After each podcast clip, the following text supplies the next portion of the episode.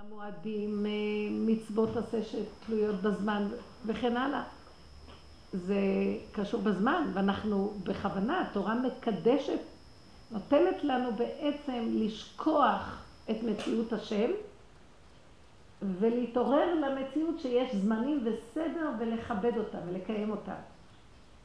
אם היינו זוכרים את השם, היו מתבטלים כל המועדות על המקום. אם היינו חיים בקצב של השם, אם היינו מאוחדים במחשבה העליונה, אז מיד היו מתבטלים, וזה מה שלעתיד לבוא, המועדות עתידים להתבטל. הרבה דברים התבטלו.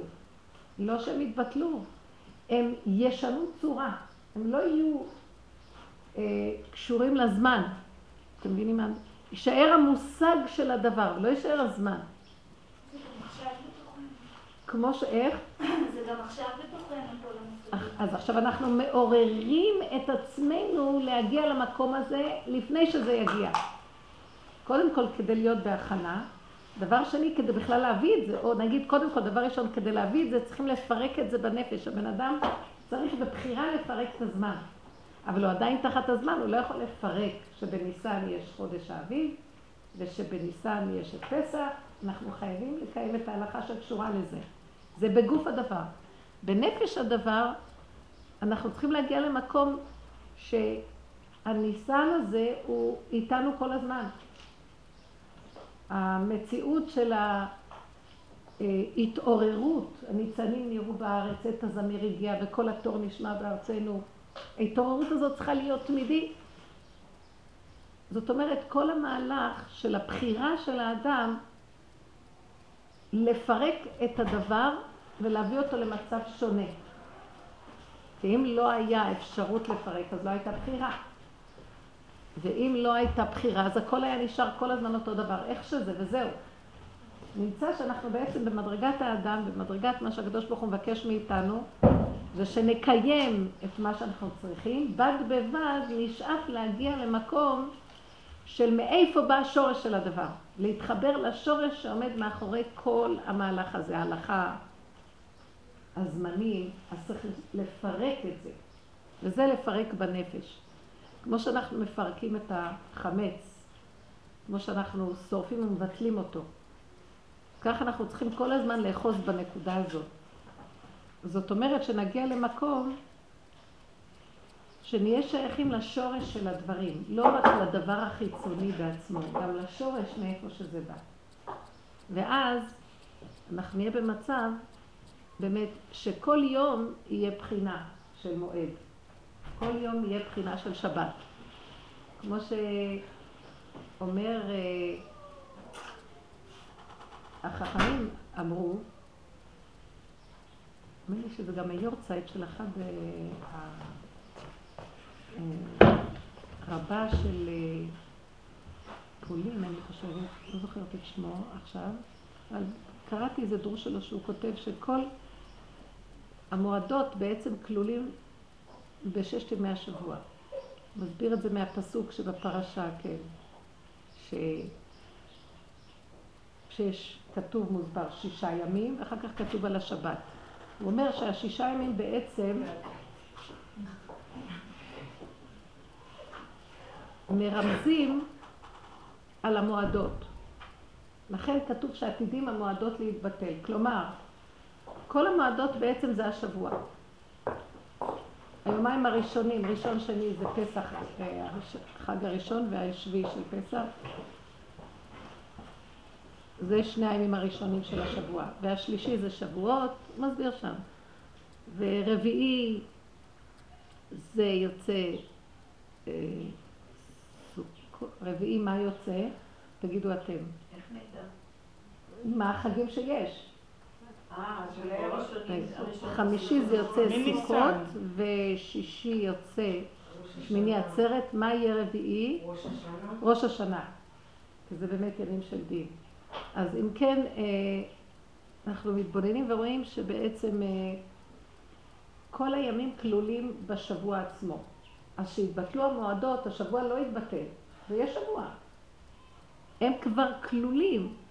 למה? כי במילא ההתחדשות קיימת כל הזמן, כל רגע ורגע, ואפשר לחיות את המצב הזה. עכשיו, כל היסוד שלנו להבין שאנחנו בעצם בשיעורים האלה מקבלים כלים איך לעבוד במדרגה יותר פנימית. כלומר, זה שאנחנו בגוף שייכים ומקיימים לפי הסדר שאנחנו קבועים בו, תורה ציווה לנו משה, מורשה קהילת יעקב. חוץ מזה, בנפש אנחנו רוצים להגיע למצב שיש לנו את הקשר עם החוט שממנו נובע הכל, שזה היסוד של בורא עולם. שזה הקדוש ברוך הוא, אנוכי השם אלוקיך, אשר הוצאתיך מארץ מצרים. שזה בעצם, הוא היסוד שממנו מושפע כל שאר ההלכה, של המצוות, כל, הב... כל המהלך של היהדות. כי אם לא, אנחנו נמצאים כמו אנשים שכרוכים בגוף הדבר, מקיימים בטבע, אנחנו עושים תיקון לטבע דרך קיום המצוות, אבל אנחנו מנותקים מהשורש שממנו אנחנו יכולים גם לגמור את סוף סוף את התיקון הזה. כי אחרת זה לא נגמר, זה נראה כאילו אנחנו תקועים במין מהלך כזה של, אה, של עבודה, כמו איזו עבודה שלא נגמרת. אנחנו רוצים להיגאל, ונמצא שהגאולה מאיתנו והלאה. כל הזמן אנחנו במצב של מחכים הגאולה, נכון? כבר מדורות קודמים אמרו זהו. עוד רבי עקיבא בזמנו אה, האמין שבר כוזיבא הוא משיח. תחשבו, רק עוד בקושי נחרב בית המקדש, הוא כבר חיכו לגאולה אז. הוא כבר חשב, בר כוזיבא, הוא, הוא יגאל אותה מהגלות. תסתכלו כמה אנחנו עוברים, וכל פעם בא משהו חדש, וכל הזמן מצפים שכבר תהיה הגאולה. זה מדורות קדמונים, תסתכלו בתהילים, שיש, אה, שבוכים, אה, פסוק, פרקים שלמים של תהילים, שמבקשים כבר עד מתי ככה תגאל אותנו כבר. אה, אלוקים שוב נא בית משמיים וראה גפן אשר נטעה וקנה שם, תגאל אותנו כבר עד מתי אנחנו בגלות, עוד בתקופת דוד המלך או קצת אחריו. אנחנו כל הזמן מבקשים, אז עד מתי? אנחנו נמצאים כרגע בסוף ואנחנו עדיין לא, לא בטוח ולא יודעים כלום, לא יודעים. מה, מה כסבורים אנחנו? מה אנחנו סבורים? יש זמן כזה, תוכנית של ששת אלפים שנה, אבל באמת, אה, אם אנחנו לא נפרק את זה ולא ניגע ביסוד של הסיום של הגלות מצד הנפש שלנו, אני לא יודעת מה המצב, מתי תבוא הגאולה. אתם מבינים מה אני מדברת פה? הגאולה יש לה זמן ותוכנית אצל בורא עולם, אבל אנחנו קיבלנו בחירה. ואנחנו קיבלנו את המצב שאנחנו על ידי עבודה שלנו יכולים להביא את הגאולה. למרות שיש לה זמן שזה קשור אצל השם יתברך. מה אנחנו עושים בשביל זה? אבל יש לי שאלה, אם יש תוכנית וזמן אצל בורא עולם, אז, אז הוא יכול לגאול בזמן שיגיע ומה, אף אחד לא יגאל? או שזה תוכנית שכולם... אה, עכשיו תבינו דבר אחד. ממילא נגאלים, גם אם עשו או לא עשו. שוב פעם, זה חוזר למה שאמרנו בהתחלה. השם ברא תוכנית, יש לו תוכנית, זו התוכנית של ששת אלפים שנה. והתוכנית הזאת לא נקראת תוכנית עד שלא יצאו עם ישראל ממצרים.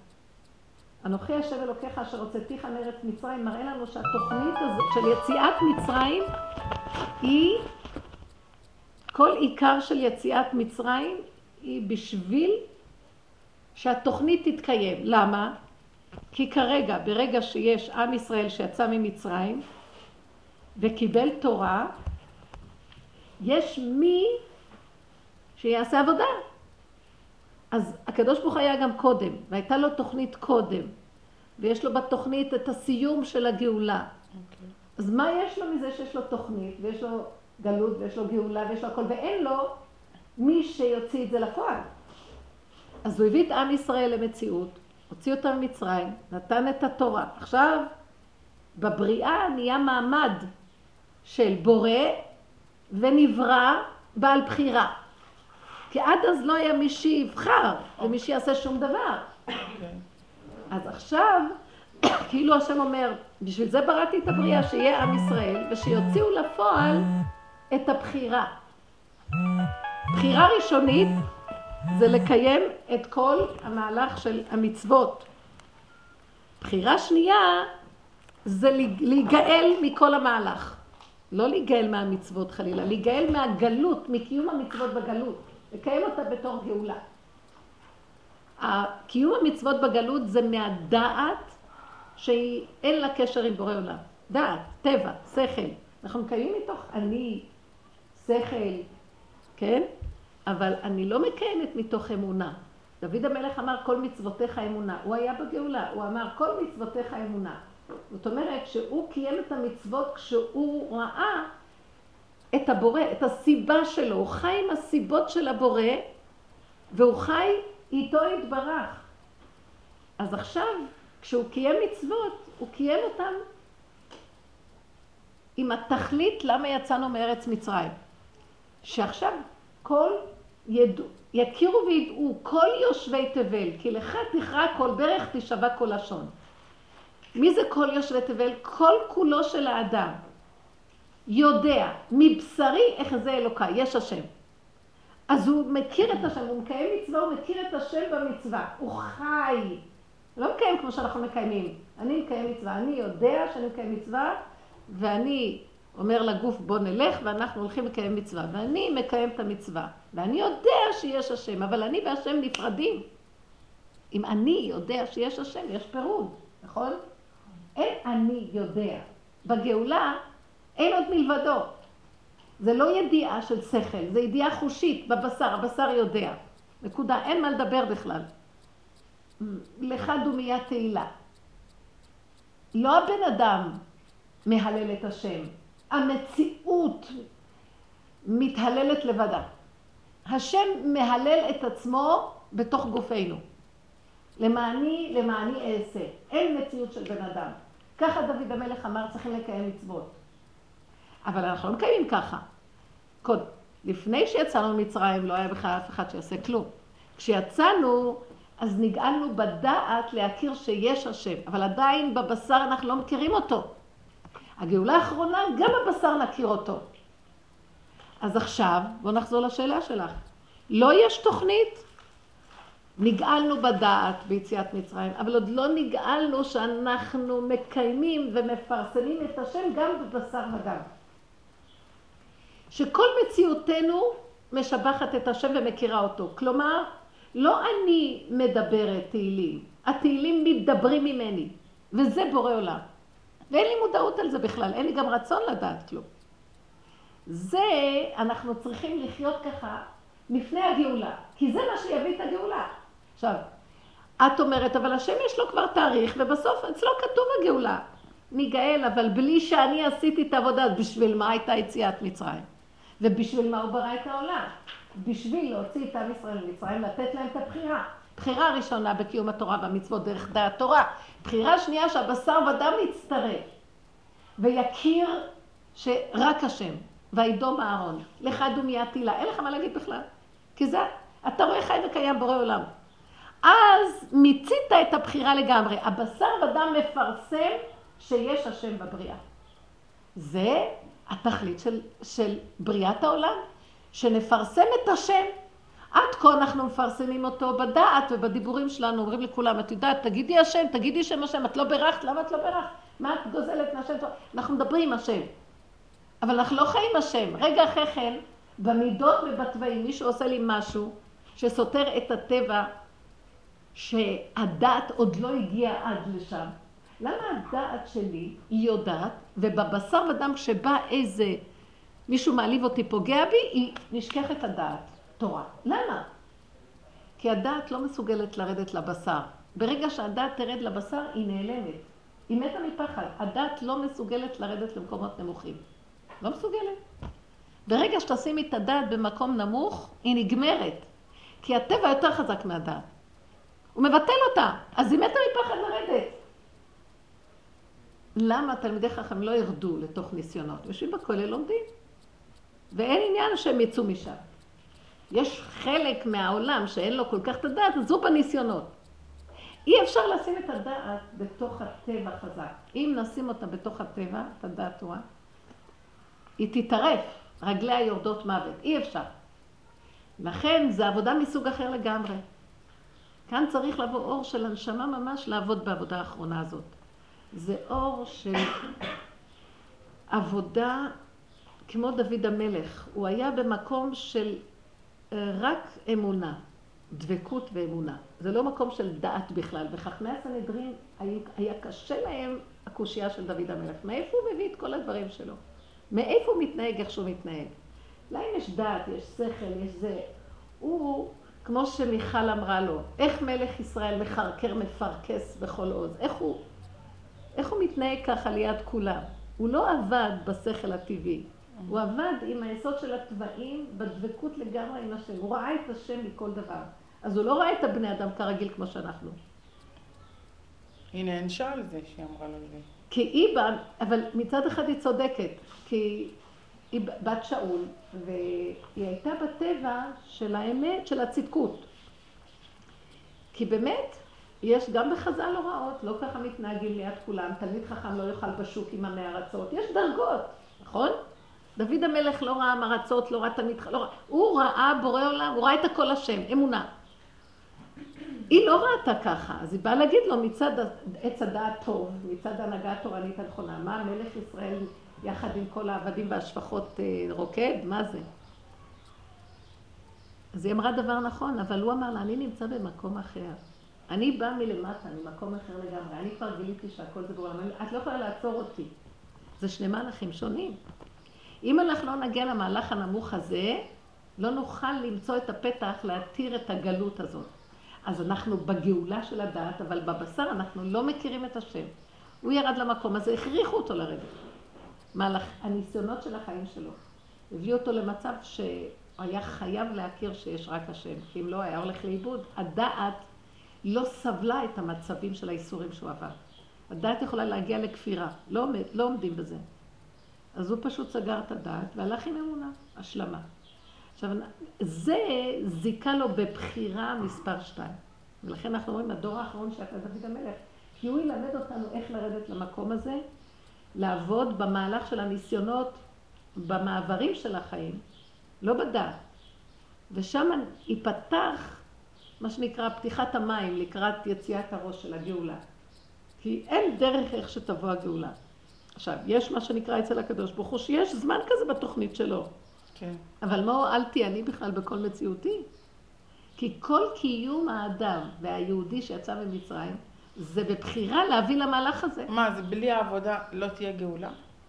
תהיה כאילו, גאולה, תהיה. גאולה, אבל ליהודי לא יהיה לו גאולה. תהיה גאולה. אז אם היא תתרחש וכולם יישארו עומדים כן, במקום? כן, כמו שנקרא, ייכנס שבת ולא יכלנו שבת. מה יש? לא יכול להיות כזה מצב? כמו שהיה במצרים. הנה, כמו, כמו שהיה במצרים, 80 אחוז לא יצאו. ומה אתם חושבים שגם בסוף יהיה יכול להיות ככה? זה ברור. זה בדרגת גוף, דרגת נפש, מה הבעיה? גם אלה שחושבים שהם מקיימים תורה מצוות, הם נגאלים ברמה מסוימת שכבר נגאלנו במצרים, מה עשית לגאולה האחרונה? תראו, כל הגלות הזאת שמקיימים, כן יש זכות, אבל זה נהיה מצב של הגאולה לא יכולה לבוא מהשורות של העולם היהודי, ש... שלא פותח את הפתח לאפשרות של לעבוד עם התוואים.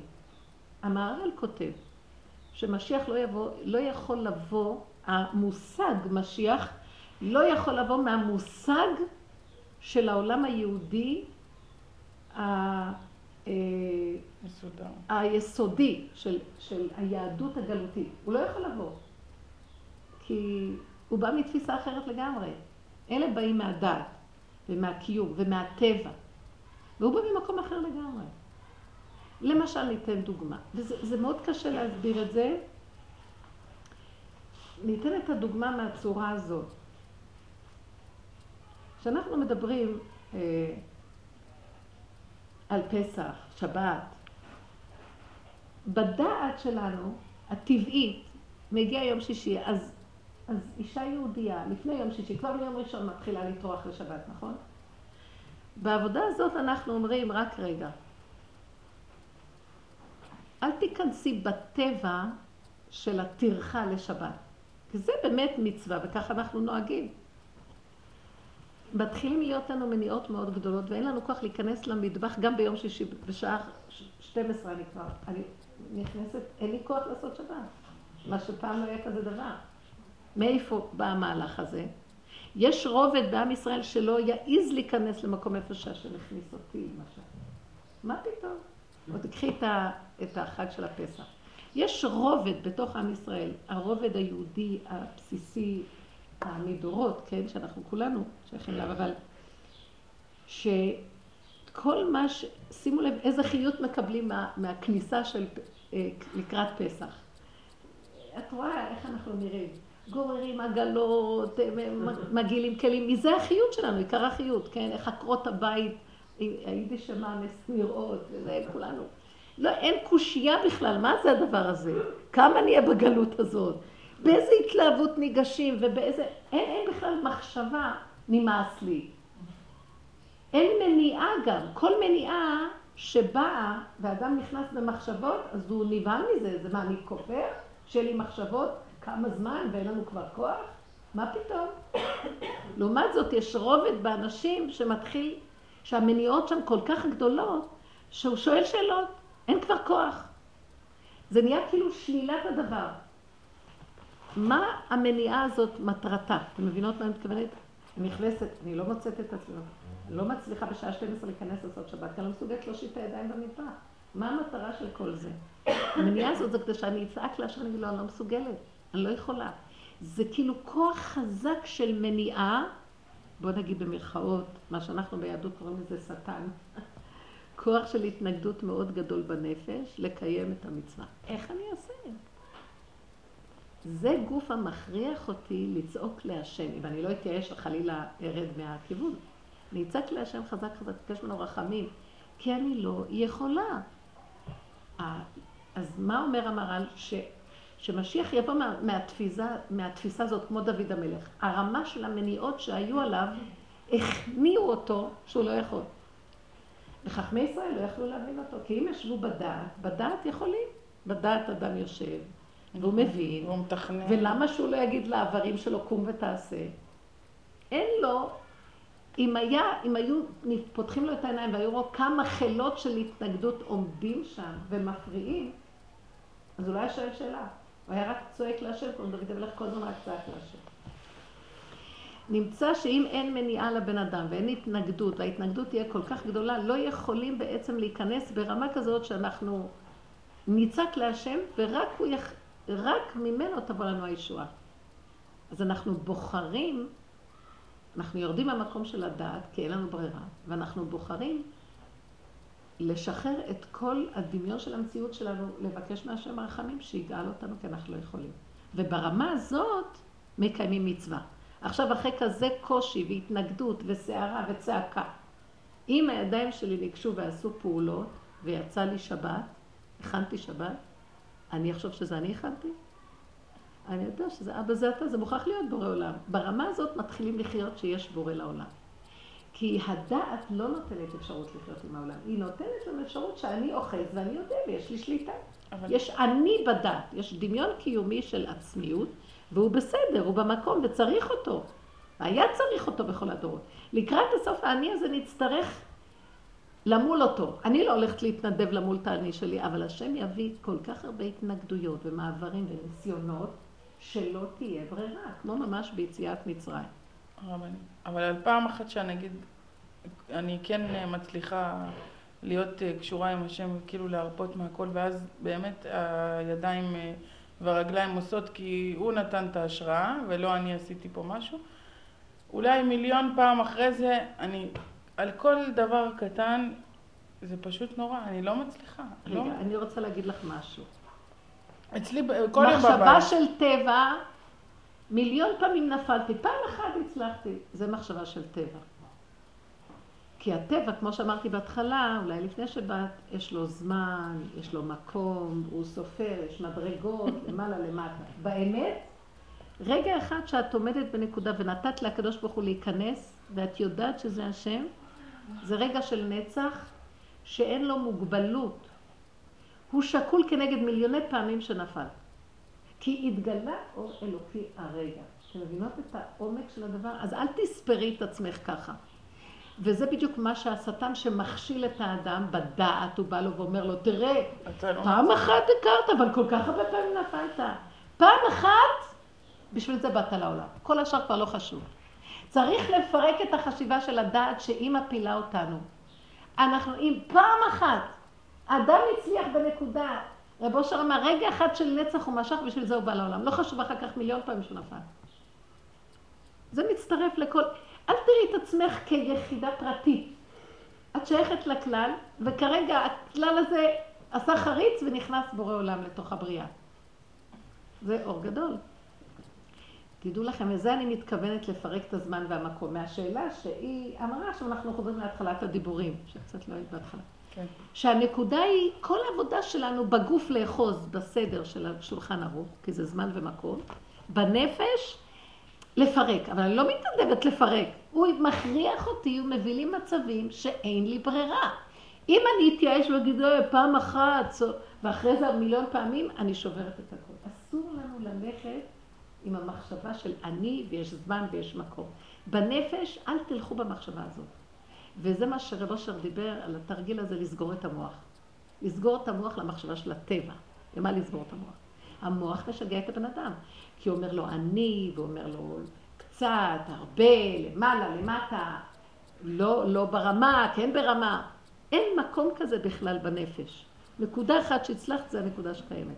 עכשיו, בשביל זה את צריכה להיות מאוד מאוד חזקה, כל הזמן לסגור את המוח. להתחיל להעביר את החילות מבחינת הדעת לבחינת הנפש. ורק ככה אנחנו מתחילים לצאת לגאולה. כי אז רק את רואה ככה את השם כל הזמן. הדעת מפריעה, כי הדעת, כשהיא קיימת, יש אני. בדעת אין השם, יש אני, הוא השם שלה. האני הוא המלך של הדעת. כן, אני חרדי, אני צדיק. אבל זה עדיין לא השם. אנחנו צריכים להפוך את זה לאתה השם צדיק. וזה מאוד קשה. אז בואו ניתן דוגמאות במעשה, כי אני יותר מדי דיברתי עם רעיון פה. הרעיון הוא מציאותי, אבל צריך להביא אותו על ידי הדוגמאות למציאות. כן. הכוחנות שלי, ראיתי איך זה בא נגדי בסופו של דבר. הכוחנות שלי, איך זה בא נגדי בסופו של דבר. להגיד שבת שעברה, שעה וחצי לפני כניסת שבת, שדברים לא הלכו לי ולא הצלחתי, לא הצלחתי לשחרר. ופתאום אני מוצאת את עצמי מנסה לפתוח איזה דלת אה, תקועה, והכנסתי יד לתוך חלון זכוכית בדלת. ונקראה לי ממש חתיכה עמוקה של בשר, אז ממש היה לי בור ביד, ופתחתי לו. שעה וחצי לפני קצת שבת. טלפון זה לא עבד לי, לא היו לי שיחות יוצאות החוצה, הילדים שלי מבוהלים, ואני לא יודעת, אני הולכת חוזרת, ואף אחד לא עונה לי, אני מנסה לעשות תגובה, הנה לא עונים לי, לא חוזרים אליי. אני לא יודעת מה לעשות. בשנייה, כאילו, ברגע אחד הבנתי, התיישבתי, אמרתי, ריבונו של עולם, השיגעון הזה, אתה מנסה להספיק דברים. ושום דבר לא הולך כי הילדים עושים בלאגן והכל. אתם לא רואים? בוא ניקח, את מרשה לי לפרק רגע את הסיפור הזה? מה היא בסך הכל כולה יהודייה טובה, שרוצה לקיים את המצווה של השם, להכניס שבת? אז למה הוא מקשה עליה ומביא לה מניעות כאלה? זה יפה מצידו? מה אתה רוצה? אתה לא נתת לי מצווה להכניס שבת. הקשיים, יכלה לגמור שבת בזמן קצר. ילדים צועקים, רעבים, בוכים. פה בבקשה, מה שהיא לא עושה לא מסתדר. הגז נחבא, בוא נגיד אלף סיבות אחרות שלא מסתדר. רגע, רגע, רגע, רגע, אנחנו כבר יודעות את העבודה. אני לא מדברת עכשיו, אני מדברת להמונים שעוד לא יודעים את העבודה, מסתכלים. רגע. בעניין הזה, שהיא בהתבטאות שלה, היא אומרת, אתה מנסה להכניס שבת, היא אומרת כאילו על השם. אתה מנסה לעשות הכל, בבת אחת הוא מת על השם בעצמו, שגם הוא לא מסתדר להכניס את השבת מהר. זה מה שאני הבנתי מהדבר שלה. לא, זה לא, בוא נגיד ככה. אה, לא, לא, זה מאוד יפה מה שהיא אמרה. היא אמרה דבר מאוד מעניין. מה היא אמרה? תנו לי לפרק את זה לאט לאט. היא אומרת, אני חייבת לעשות כאילו תורה שבעל פה פה לכל הדיבורים. היא אומרת, אני אומרת אחרי הסיפור שלה, אתה נתת מצווה, תעזור לנו לעשות, אבל היא לא אמרה לו תעזור לי להכניס את השבת, היא ניסתה בעצמה לנסות להכניס את השבת. כי מה? יש דת ויש אני. מה האני המסכן הזה יעשה? יגביר את הכוחנות, יחשוב פתרונות, ינסה לסדר איזה אמצעי. האני הוא משנה למלך בארץ מצרים והוא צריך להכניס שבת. שימו לב את הלחץ שיש לו מהמטלה הזאת. יוצאת למילה מה, מה את אמרת? אתה? אתה מנסה... אתה, היא אמרה לעצמה, לאני שלה, אתה מנסה להכניס שבת. שימו לב מה שהיא אמרה פה. ברגע שאני, האני מנסה להכניס שבת, למה שלא ינסה? יש לו מצווה. כי יש עכשיו עליו כוח של התנגדות עצום, משמיים סובבו סיבות של התנגדות, שאני לא אחראית להם. עכשיו, מה היא עושה? אז האני נבהל, כי אין עוד מלבדו, הוא חייב להדוף את המתקפה ולא תכניס שבת. למה הוא לא קורא את זה שזה השם מסדר לו את המניעות והוא רוצה קשר איתו? כי ההוא רץ לו חופשי חופשי לקיים מצוות. בזמן הגלות, ככה קיימו. מה זה תעצרי ותגידי השם? ברוב המקרים האדם היה אחראי, נכון? המהר"ל אומר, ברמה הזאת שאנחנו חושבים שאנחנו מוצאים שזה יסוד היהדות בגלות, לא יכול לבוא משיח שם. משיח לא יבוא מהשורות האלה, כי החשיבה תקועה שאני, אם לא אני אתאבד. מה זאת אומרת לא לקיים מצוות שבת? היא אומרת, כשאת אמרת, אתה מנסה להכניס שבת, התכוונת לאני שלך, אתה מספרת על עצמך, בעצם זה השם בגלות. אז את עשית אותו לא יכול. זה בדיוק מה שהיא אמרה, השם לא יכול. היא שמעה את האתה של השם. היא אמרה, אתה לא יכול להכניס שבת על אדם שמספר כן. על עצמו. באותו מצב הכנסתי את השם בגלות. אין אה, קטגור נהיה סנגור. את לא יכולה, הוא לא יכול להביא גאולה. כאן לא יכול להיכנס משיח. אז מה את עושה? את מרפה. אבל רוב האנשים שהם דפוסים בדת לא ירפו. הם יתאבדו ולא ירפו. הם לא ירפו. אבל אנחנו שומעים את הדרך, ואנחנו סוף סוף פתאום התיישבה. אם לא הייתה שומעת את הדרך, היא הייתה בתסכולים, היא הייתה בשיגעון, טירוף. יושבת רגע, גם אז היה לנו טירוף, אבל יש איזה פתח שממנו אנחנו מתחילים קצת... של אור קטן, ואז את אומרת, רגע, רגע, רגע, מה אמרת לעצמך? תראי את הכוחנות שלך. הכוחנות, אני גנבתי את הכוח, הכוח שלך, תמיד כל הכוחות שלנו זה שלו, אבל זה גנוב על האני שלי גנב. יש לי כוח, אני עושה, אני, אני פתרונות עניינים. לא. ככל שאני עושה ככה, עד כדי כך שחתכת לי את היד, עכשיו אני לא יכולה לעשות כלום. נתת לי הוראה שבי, זה אני. יותר מזה אין דבר ברור. יהיו כאלה גם שיגידו, לא ברור, זה בגלל שהייתה שם זכוכית. לא, אנחנו כל הזמן, האני יתרץ. וכל העבודה שלנו להתחיל לראות, אבל זה אתה עוצר אותי. אני, וכולנו מלאים כוחנות של טירוף. עכשיו תגידו דבר אחד.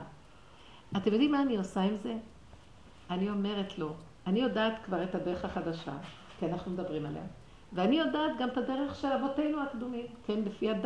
אני אומרת לו, רבנו שלום, נתת לנו עול מצוות, נתת לנו להכניס שבת, שמת לנו מלא התנגדות. הפחד שלנו לא להכניס שבת טבוע לנו בגנים. כפה עלינו הר כגיגית בגדר של רדיואקטיביות של הגנים. לא תכניס שבת, הנשמה תצא לה. זה יפה מה שאתה עושה לי? אתה כל כך הרבה, אתה כל כך הרבה התנגדות נותן לי להכין את המצווה שלך? אם כן, זה לא עליי, זה עליך. אני מתחילה להגיד לו, אם כן, זה עליך. אז הוא אומר לי, נכון. החלק הראשון של הדעת, 3,500 שנה את מקיימת אותו, שזה את. לקראת הסוף אני רוצה להיכנס בחזרה לבריאה שלי. הלו, אני הוצאתי אותך ממצרים שתפרסמי את השם, אני השם אלוקיך. עכשיו, בהתחלה פרסמת אותו באני של הדעת, שזה היה משנה למלך, הוא מפרסם שיש השם, אבל את עוד לא איתי. רק אני הייתי מוכן לזוז, הלוואי אותי עזבו ותורתי שמרו, כדי שתפרסמו אותי בדעת. של העולם, לעולם יש דת והם לא יודעים. חוץ מזה, לקראת הסוף אני רוצה שיכירו וידעו כל יושבי תבל, כל הבשר ידע. שלך תכרע כל ברך תשבע כל לשון. כל העולם צריך לדעת מהבשר. מה זה מהבשר? לא מהדעת. איך אתם תדעו מהבשר? הניסיונות, אני מקשה עליכם בניסיונות כדי שהדעת תתמוטט, כי הדעת לא יכולה לסבול את הניסיונות. אדם מת, הוא לא יכול. יש לו יותר מדי ניסיון מכפי הדעת שלו, לא יכול. עכשיו, אם הוא לא נופל בייאוש, אז הוא מתחיל להאמין, זה בורא עולם. כי אם הוא הולך בייאוש, האני לא יכול, אז אם כן, אין פתרון, אז נמות. כי יש רק אני. אומר, לא, אני הוא מספר אחד. אם הוא לא יכול, אז יש אותה. אז אנחנו מתחילים עכשיו להתדיין עם השם, ריבונו של עולם. אתה נתת את המצווה, אתה מקשה עליי, משמע שאתה רוצה פשוט להיכנס במקום האני. אז תיכנס. אז לא אמרתי שאתה מקשה עליי. השם הביא אותי לאמירה הזאת, אז תעשה מה שאתה רוצה בעולם, תדאג לי, לא תדאג יפה, אבל... אבל אני, אני... עשר דקות לפני כניסת שבת אחרי ספרים ושערי צדק, וכזה טרטור, ובעלי היה בשיגעון, בלחץ. מה אתה עושה? נגיד, נלך ברגל מקסימום שערי צדק הביתה למשרד. מה יכול להיות? מה כבר יכול להיות? מה, אפשר גם לקיים שבת תוך כדי זה שהולכים ברגל אה, זה, להדליק נרות ולצאת, להשאיר את הלכלוך הבלאגן, אז לא יהיה, אז מה יכול להיות? הכנעה. שנייה. אחרי זה זה היה להתמודד עם הדיכאון של בעלי, שהוא לא הצליח לצאת מזה. נכנס לדיכאון מזה כל השבת. תגידי. פה שאני בשיעור, מנסה להשיג אותי כל הזמן. היה עוד ניסיון נוסף. שמה היה אחרי זה? עם כל זה, בעלי לא הצליח לצאת מה... הוא היה בדיכאון מכל הסיפור הזה. מה קרה? את לא חושבת? כן, עכשיו זה הזמן להתחיל לרדת עליו. אני- זה, זה, זה שעה הכי קשה, כניסת שבת. שמתם לב שבכניסת שבת יש את היצר הכי גדול, נכון? גם בכניסה לפני הגאולה יהיה המניעות הכי גדולות. הוא נשלח, במי... הוא נולד בזמן הזה וזה הזמן הכי גדול שלו, לשגע את הבני אדם, בניסיונות הכי קשים. שהשם ישמור אותנו ממנו, ואם אנחנו נכנעים ולא מתעקשים איתו ראש בראש, הוא זז והקדוש ברוך הוא מתגלה. כל העניין הוא לא, לא ללכת ראש בראש, אלא להמליך אותו, כמו שהיא אמרה, אבא, זה אני שמתי אותך בגלות, אתה לא יכול להכין שבת. האני זה אתה, אז מה זה אני? זה אתה בגלות. כל עוד אני יכול, אני לא מרגישה, אני חייב, יש לי תורה. שאני רוצה לעשות את מה שהשם אומר, ואני לא יכולה, אין גלות יותר גדולה מזאת. אבל אבא זה אתה. אני לא רוצה יותר. לפעמים היו לי חלומות, ממש, תקופה אחת הייתה לי תקופה של חלומות שחזרו על עצמם, שאני לא מצליחה להכניס שבת בזמן. אתם מכירים חלום כזה? אני חולמת איזה שאני... מועקה. היו לי חלומות שאני. מחללת שבת. איזה מועקה. שעוד מעט השבת נכנסת, ושקיעה, ועוד לא שמתי אפילו סיר למשהו, ואין לי תפוחי אדמה, ואין תפוחי אדמה מפורסמים. ואני לא יודעת, ואנשים, ו... ואני בסוף הגעתי למסקנה, חשבתי, מה רוצה להראות לי, שאני לא מוכנה לגאולה? והיה לי קשה מזה, אני לא מוכנה, מה זה פה? ואז. ואז הגעתי למסקנה, כל החלומות האלה זה שאני אסכים, אני לא מוכנה לגאולה, נכון. רק אתה יכול להכניס אותי לגאולה, אני לא מוכנה. זה נרגע לי החלומות. כשתפסתי את הנקודה, אז זה נרגע. הוא לא רצה ממני שאני אהיה מוכנה. הוא רצה ממני שאני יודע שאני לא יכולה להיות מוכנה, ואז יסוד הגאולה נכנס. שאר החמישים נכנסים אליו רק דרך שלילת האני. אני לא יכולה. זה. לא כל כך פשוט שהאני שלי יודע איך לעשות שבת. בוודאי, כשאין לו שום מניעה, זו תוכנית מאוד יפה, אני יושבת בשמיים והכל מסתדר. יושבים החכמים ומדיינים ומדברים, כשהם באים לפועל, האדם לא יכול לקיים הלכה אחת, אם השם לא יעזור לו. אי אפשר, לדבר אפשר, להבין אפשר, גם כן, גם זה צריך סייעתא דשמיא, אבל כשאת יורדת למעשה בתוך המציאות של החיים, אם השם לא נותן לך, לא נותן רשות לכל המניעות לזוז, איך אפשר בכלל לקיים משהו? היום הוא מביא את המניעות. הוא רוצה שנדע שהוא זה שנותן את הרשות, והוא רוצה להתגלות בעולמו. זאת אומרת, הוא רוצה עכשיו שנממש את הבחירה מספר שתיים, להכיר את השם בעולם. לא רק את הדעת של השם, את השם בכבודו ועצמו. ואי אפשר להכיר אותו רק דרך מניעה. אי אפשר. יש לי רק שאלה. דרך השלילה. ושימו לב איך הדעת נשברת, היא לא מסוגלת להכיר את הדבר הזה שלילה. היא לא יכולה. אז היא מתחילה אה, כאילו לחשוב, אני לא בסדר? שימו לב כמה היא מייחסת לעצמה חשיבות ויכולות. היא סך הכל, זה דמיון של אני, שהשם אפשר לו להתקיים. עכשיו הוא לא רוצה לאפשר לו להתקיים. איך הוא שבור? סימן שהוא דמיוני. כי אם, מה אכפת לך אם השם היה קודם והשם עכשיו בצורה הזאת? מה אכפת לך? הדעת לא מסוגלת. הדעת מאוד נשברת, כי היא, יש לה מלכות בפני עצמה. אז איך... רבנית, אז איך אפשר לדעת אם זה לא ההפקרות? אני אתן לך דוגמה. בליל הסדר, כאילו, יש לי קטע, מטומ- לא יודעת, כאילו לקרוא את ההגדה, למרות שאני לא אוהבת את זה בכלל, ותאמיני לי, מעדיפה לא לשבת שמה, הייתי מעדיפה להיות במסיבה. מבטיחה לך, באמת, זה מה- מצד האמת האמיתית של רואים, זה סוג הנפש. נשמות חדש שמגיע. די, כאילו נמאס, מה אני שתגידו את צריכה זה את השטות לנשמה? בסיסית יהודית. בשבילי זה כמו, לא במאה יודעת מה, שערים. כפייה, כפו עליי, זה? הכריחו אותי לשבת על השולחן הזה, וממש לא מעניין אותי, לא הניקיונות, ולא מעניין אותי, יהיה גרגיר חמץ, ביטלתי אותו, אולי מכרתי את החמץ, כאילו מרוב השיג... זה, בשבילי זה ממש שיגעון, בשבילי זה לא כן, טוב. לנפש. זה מביא אותי לא- לאובססיביות, למה שאת רוצה. לכפייתיות, לצעוק על כולם, זה לא, לא טוב לי. אתם רואים, אתם רואים את סוג הנשמות? זה סוג נשמות שרק דרך הניסיונות ומיד באמונה קשר בורא. כל השאר של דעת, כתוב, הבנות, דיבורים, זה לא מדבר. לא מדבר אפילו. אני מצידי לא. אז בליל הסדר ישבתי, וברוך השם יש לי שני ילדים, ואז פתאום, כמובן שצריך מיד, לה... פתאום אחד צריך להחליף לו, השני בוכה, זה צריך להאכיל, ואז אמרתי, ועשיתי הכל כאילו, ב... ברגע שהיה משהו עם הילדים, קמתי. בשמחה פשוט קמתי מהשולחן, עזבתי, לא...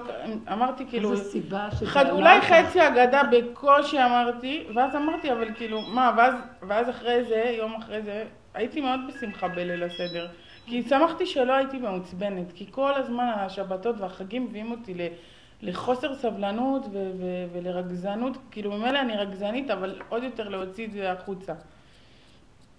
ואז אמרתי, ואז יום אחרי זה התעוררתי ואמרתי, מה, אבל את לא אמרת את כל ההגדה, קיימת את הסדר, לא קיימת את הסדר, קיימת את חג הפסח, אז אה, בעלי אמר לי מצה, אה, איך זה נקרא? מצה, מה אני, עוד מה, מצה מרור, ארבע כוסות. זה לא יודעת, היה מי שאמר פסח מצה ומרור. פסח מצה מי ומרור. שלא אמר פסח מצה ומרור לא לא, יוצא. אז לא יודעת מה, אז הוא אמר לי, קיימת, כאילו, וזה, אבל אני כאילו, עד עכשיו יש לי את השאלה, אבל לא אמרתי את כל ההגדה, אז האם קיימת את זה או לא קיימת, יצאתי ידי חובה, כאילו, תראי, את מבינה, והייתי באמת באותו, בליל הסדר, שמחה גדולה הייתה לי, לא הייתי עצבנית. אחרי זה באו המחשבות. כן, אז מה- אני אומרת, אולי זה הפקרות שאני ממילא לא רוצה להגיד. אז כאילו כבר עליתי על זה טרמפ ואמרתי מה שאמרתי וזהו. אז עכשיו כל העבודה הזאת, לגלות את השם, זאת אומרת לגלות האמת. תגידי נכון, זו האמת שלי. זו האמת שלי. לגלות את האמת היא יותר גדולה מאשר להגיד פסח מצה ומרור. נכון. זה הגילוי של השם ממש. שלילת הנקודה. להגיד את האמת. להודות על האמת מול בורא עולם שנכון, זה מציאותי, זה המהלך השני שהשם כל כך מחפש, עד שלפעמים הוא מזיז את ההלכה בשביל זה.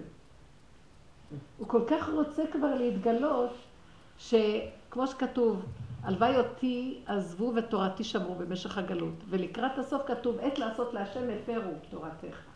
הוא כל כך רוצה להתגלות, שהוא מסובב לך סיבות שאת לא תהיי בשולחן. ועכשיו מה? יש לך צער. בואי תתגברי על הצער, תגידי, אבל זה אבא זה אתה. אני מצידי הייתי מוכנה, סידרתי הכל, ואתה סובבת לי סיבות שלא מה אתה עוד שנייה. אז פשוט אני לא רוצה שתעשי כלום, רק תכירי שזה אני, זה הגילוי. מזל שהיו כי שם. יש עוד הרבה שיושבים ואומרים את הסדר כהלכתו והכל בסדר.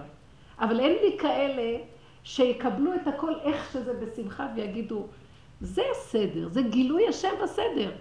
זה הסדר, גילוי הדעת. אנחנו אומרים, הנוסחים והכל. וזה השם בגילוי של השלילה שלו. ואדם למשל שלא יכול למות מכאבים מזה. הוא אומר, למה אתה מת מכאבים? זה גם אני. אני ככה ואני גם ככה. זה יהיה שעה מאוד מאוד קשה. כי תראו, אדם שאין לו אלוקות, אין לו מצוות, אין לו כלום, מה אכפת לו? אבל אדם שיש לו, והוא מתבקש לברך על הרע כשם שמברכים על הטובה, זה מראה שיש לו גם תורה וגם אמונה. אבל אדם שאין לו את זה, אז אה, נגיד, אה, האמונה, לגלות את האמונה, גם לגויים יש מקום של אמונה, ועובדים על אמונה היום, בכל העולם. אבל אין להם תורה. שאדם עם תורה, אם משהו זז לו, והוא מקבל את זה באהבה, ואומר, בסדר, אבא זה גם אתה. זה מדרגה של גם תורה וגם אמונה. וידעת והשבות. וזה מעלה של יהודי, אם הוא מממש את החלק השני גם. עכשיו בא היצר, אומר לה, כביכול זה יצר טוב. את לא אמרת, תצטערי שלא אמרת. כן, עד שיבוא פסח זה עוד שנה. איזה מחשבות, אל תשאלי. זה לעמוד מול בורא עולם ולפרק את הבלבול הזה, לפרק את הדעת הזאת ולהגיד לו, ריבונו של עולם, אני לא יכולה, אני יכולתי רק לפי הסיבות האלה. אם הייתה לי מחשבה, יאללה, שמחתי, ניצלתי את ההזדמנות שהתינוקות בכו ושמחתי לצאת, גם אני לא מצטערת מזה, כי גם זה אתה. אם היית נותנת את כל כולך לאתה, אז את עכשיו אומרת, את בהפקרות עם השם, את לא בהפקרות, את בהפקרות להשם. אם היינו חיים באמונה, הכל היה עוד. גם מחשבה כזאת שהוא הביא לנו, אבל זה אתה לא מצטערת על כלום. זה נקרא יהודי שלם. כמו שנחום איש גמזו לא הצטער על כלום. למה לא הצטער על כלום? מה, גנבו לו את, ה... את האוצר של היהודים, עכשיו היהודים נמצאים בסכנת כליה. מה זאת אומרת? שיהיו, שהחול יוצא מהקופסה במקום אבנים טובות מהמלך וצחוק שלהם, הוא יכול עכשיו לעשות גזרה על כל היהודים מרוב עצבים. אז הוא גם צוחק, הוא גם מחייך. אתם יכולים להבין את הדבר הזה? כי אם הוא ממליך את השם על כל מציאות ועל כל מצב, משם ישוע הגופה וזהו. אפשר לשאול משהו? כן. כאילו, אני לא מבינה את התגובה של עצמי, כי אני בדיוק הפוך ממנה, כשיש את המניות האלה, לא יושבת, וואי, שם השתבח שמו וזה. אני מתחילה להתעצבן עליו, ואני אומרת לו, תגיד תודה שבכלל אני שמה את המטפחת המפגרת הזאתי, תגיד תודה שאני בכלל לובשת חצאית, אני לא סובלת את החגים, לא סובלת שבת, לא סובלת... ואני מתחילה להתעצבן כאילו בשלילי. כאילו, אני מתחילה להגיד לו, כאילו, למה הדתיים והשומרים מצוות, הם צריכים להיות מולטי מיליונרים, כאילו, זה הבנים שלך, כאילו, אני זה דיבור טוב, בשביל זה הוא מביא נשמות חדשות היום, שידברו איתו ככה. לא, אבל זה... כדי לעורר את הגילוי שלו, אתן מבינות? זה קשה להגיד את זה. סליחה, בסופו של דבר בוא ניזכר שבעצם הוא כפה עלינו אך לגיגי.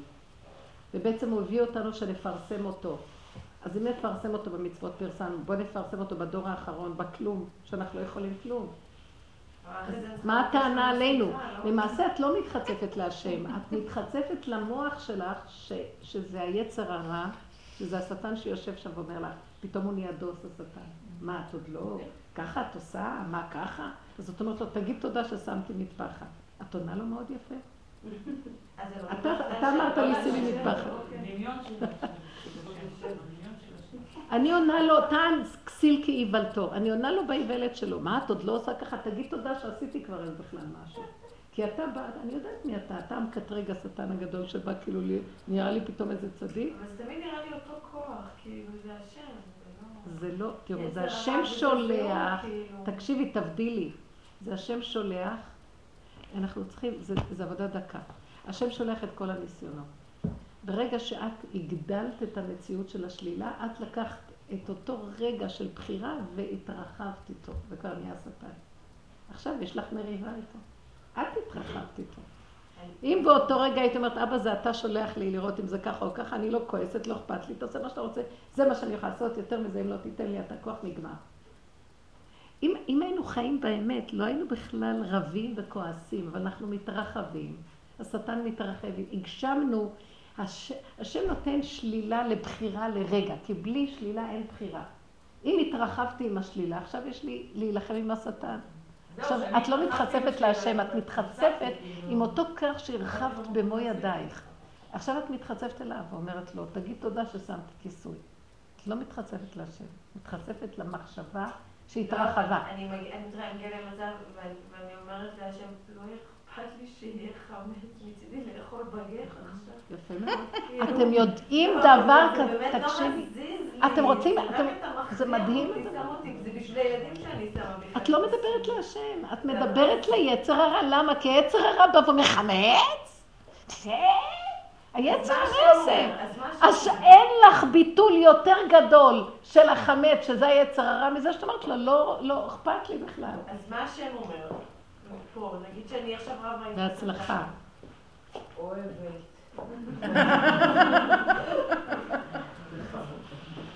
מה את אומרת? אז מה השם אומר? הוא לא אותי רבה עם השטן. תקשיבו דבר אחד. אין לך קשר עם השם בכלל. אה, לא. רק עם השטן? רק. היה לך קשר עם השם דקה לפני שהתרחב השטן. נגמר השטן, עכשיו, נגמר השם, לא בחרת מהר דק, סגר, התרגזת, נהיה שטן. עכשיו את עומדת מולו, וזה העבודה שלך מולו. אם תעבדי נכון, תחזירי את זה להשם, הוא יתגלה שוב. את עושה את זה. ברגע שאת אומרת לו, אבל תקשיבי, ברגע שאת אומרת לו, לי לא אכפת. לא אכפת לי. באותו רגע לשטן אין כוח. הוא בא להגיד לך, מה? לא אכפת לך? לא אכפת לי. אין לו מה להגיד. אם תגידי לו כן, כן, כן, אז ירדה בך עוד. את מבינה? ואם תפ... תפקירי, הכוונה תלכי בהפוך בפועל, הוא יקטרג עלייך. את צריכה רק לעמוד בהתדיינות איתו, זה הכל. לא עשית עוד מעשה, את עומדת בהתדיינות, לא אכפת... לסגור את הוויכוח... אה, איך? לסגור את הוויכוח מהר מול הרע. ואחרי זה הוא חוזר אליה, והיא מבקשת סליחה כאילו מהשם. עוד פעם, תחזרי על הדוגמה. אני, אני אגיד, קורה לי זה משהו, אני רואה שלא הולך לי. אז בוא ניקח את מה שהיא אמרה, לא הלך לי, תעמדי, תגידי, אבא, אליך אתה לא רוצה נקודה. אתה שולח לי...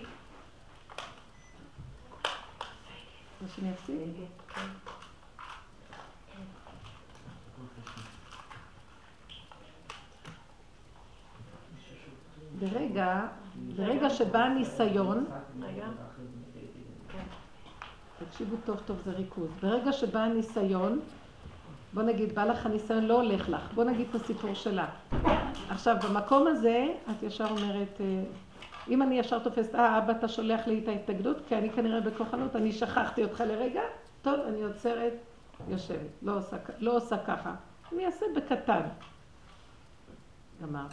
לא עשית ככה, את ממשיכה עוד לרצות להיות יכולה. עכשיו הגשמת, הגשמת את הכוח של השלילה שהיה טוב בשביל הבחירה לרגע. הגשמת אותו, הוא התרחב, עכשיו את עצבנית, עכשיו את מדברת איתו בעצבים, עם הכוח שאת החיית. ואת אומרת לו, אה, גם זה תגיד תודה שאני שמה את זה בכלל, לא רוצה גם את זה לעשות. את מדברת מולו. כשאת מדברת מולו בהחלטיות, אני לא רוצה, לי, הוא, בא, הוא בא לו להסתין ולקטרג על היהדות שלך. תגיד לו, אני לא רוצה להיות יהודייה. גמרנו. כשאת אומרת לו, לא, אני כן צדיקה. כשאת אומרת לא רוצה כלום, לך, לך, אני גויה, לך ליהודים, מה אתה רוצה ממני? אין לפעמים דרך אחרת להפסיק עם השטן הזה. ברגע, אם לא עשית את זה בהתחלה, לצמצם וללכת עם השם. מה זה ללכת עם השם? איפה לצמצם? לסגור לצמצם, להפסיק. את רואה ששולחים לך מניעה, המניעה אומרת עצור. קראת את הסיבה, זה מניעה. אנחנו לא הולכים ככה. אז לשבת. איך? אז לשבת רגע ורגע. לא ללכת עם הדבר שאת רוצה מיד, בכוח. שמה לב לכפייתיות שיש לך? כן. אז זה נקרא שאני הולכת מרחיבה את השטן בגשמיות, בהתגשמות. באותו רגע שיש לי מניעה, אם הייתי רואה, רגע, את ראית שדברים לא הולכים ויש לחץ, בא לך מחשבה, צריך להכין שבת. ישר את צריכה להגיד, אה, אתה שולח לי את הדבר שמנגד אותי כדי שאני אתחיל להתפלפל איתו? אני לא יכולה להכין שבת ככה. אתה יודע מה, אז אני אעזוב את זה, אני הולכת לעשות משהו אחר. לא טלפון לאף אחד. איך? אף אחד לא ענה לי, אף אחד לא בא לי... לא, לפני שנחתכת. גם אחרי אני אומרת. אני מדברת על קודם. על לפני... איך, מה קרה? לחץ מאוד גדול. לחץ, בכי ככה, הבן שלי קם בכי, אחרי ששעתיים לפני זה הוא גם בכה, המוח שלי מתפוצץ לי, ואני מנסה לסדר. אז תעצרי רגע, ותגידי ככה. אני לא יכולה להתרכז בכלום, הבכי הזה מפריע אני לא יכולה. מה עוד נשאר לי לעשות לשבת? זה, זה, זה, אז אני אוותר גם על זה. בוא, בוא נשים עכשיו את הפלטה איך שזה. זה אומר שאני קוראת את המניעה, אני רואה את החולשה של המציאות שלי, אני לא הולכת בכוח, מסכימה לה, לא מנסה את מזלי. נכנסת בהכנעה של השלמה שאלה הכוחות שלי ולא יכולה יותר. אני נהיית קטנה והשם מתגלה. לא, אני רוצה להיות גדול. האני גדול. הוא יכול, נכון? לא, אני לא, אני, אם אני אתאמץ אני אוכל, אם אני אתגבר אני אוכל. אסור ללכת לקראת הסוף בכוחות האלה, אבל אנחנו הולכים. עכשיו שהלכתי ונהיה לי עדיין עצבים, עכשיו אני עומדת מול השטן שהגשמתי, מול אותו כוח, ועכשיו אני צריכה לדעת גם איך לעבוד אותו. אם לא הצלחתי לעבוד קודם, לעבוד עכשיו. אז מה אני עכשיו אומרת? איך אני עובדת איתו? לא להתווכח איתו, להסכים איתו, להגיד לו, אתה צודק, שלום. תמיד כשבא משהו ואת לא יכולה, אל תריבי איתו. תגידי לו, אתה צודק, אני לא יהודייה כשרה, אני לא יכולה. תגיד תודה שאתה מטפחת, אני גם שמה, לא רוצה. הוא מרפא. אתם שמים לב לדבר הזה? אז מה את אומרת? את רבה איתו. תגיד תודה שאני שמה את המטפחת. מה, את כזאת רשאית? כן, תגיד. תגיד תודה שאני שמה את המטפחת. לא רוצה. אדם שלא רוצה, אומר, אני לא רוצה, והוא ממשיך לרצות ולהתריס. הבנתם איך אנחנו נראים? זה מדהים. בואו נסתכל בפסיכולוגיה של עצמנו, כי אנחנו, אנחנו עושים את העבודה הזאת עם המוח. אסור לעשות את העבודה הזאת עם המוח. כי אנחנו עוד עושים עם הדעת את העבודה.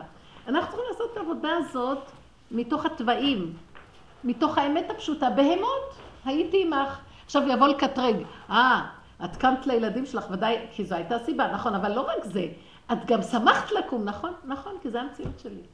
כי אתה כפית עליי הרכיגית, אני מצד עצמי לא רוצה לעשות. אבל את יודעת מה הטענה עליי? את יודעת איך... זו רגע של אמת. השטן מתבלבל מרגע של אמת. הוא מחכה לתירוצים ולהצטדקויות.